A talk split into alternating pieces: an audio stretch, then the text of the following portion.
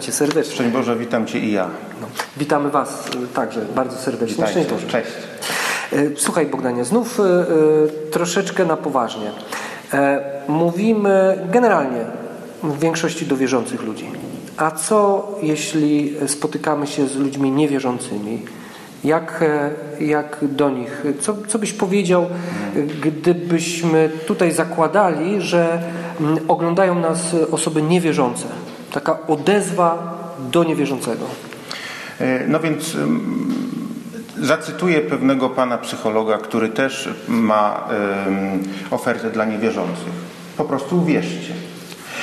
Więc Amen. kiedy mówię do niewierzących, a zdarzyło mi się w ostatnim czasie, że y, wielokrotnie spotykałem osoby deklarujące brak wiary w cokolwiek po śmierci, mówili, że tam nie ma nic, to wtedy próbowałem e, dawać im argumenty. W poprzednim spotkaniu chyba mówiłem o takich pięciu argumentach Tak. na istnienie życia wiecznego. Dokładnie. Mówiłem, a kiedy ciągle mówili, że jednak nie wierzą, że nie, wyciągali inne argumenty i to w końcu był taki ping-pong e, słowny na, na argumenty. Kiedy czułem tak, że już dalej no, no, trudno się rozmawia, to wtedy jedno robiłem. E, Wyznawałem swoją wiarę. Po prostu mówiłem, wierzę w Boga, który stał się człowiekiem, 2000 lat temu chodził po ziemi, zabity został, zmartwychwstał i obiecał nam zmartwychwstanie. Mówiłem, tak wierzę. I myślę, że to trzeba mówić niewierzącym, e, dlatego że kiedy głosimy, to Pan Bóg na nich działa. No to przecież Pan Bóg ich dotyka.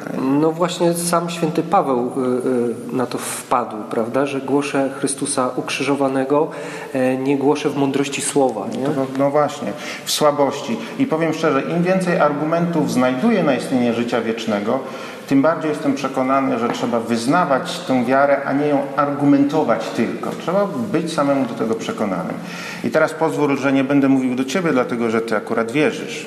Natomiast powiem do tych wszystkich, którzy być może nie wierzą, a yy, wierzę, że dzięki Bożej opatrzności, a nie przypadkowi akurat natrafili e, na ten filmik.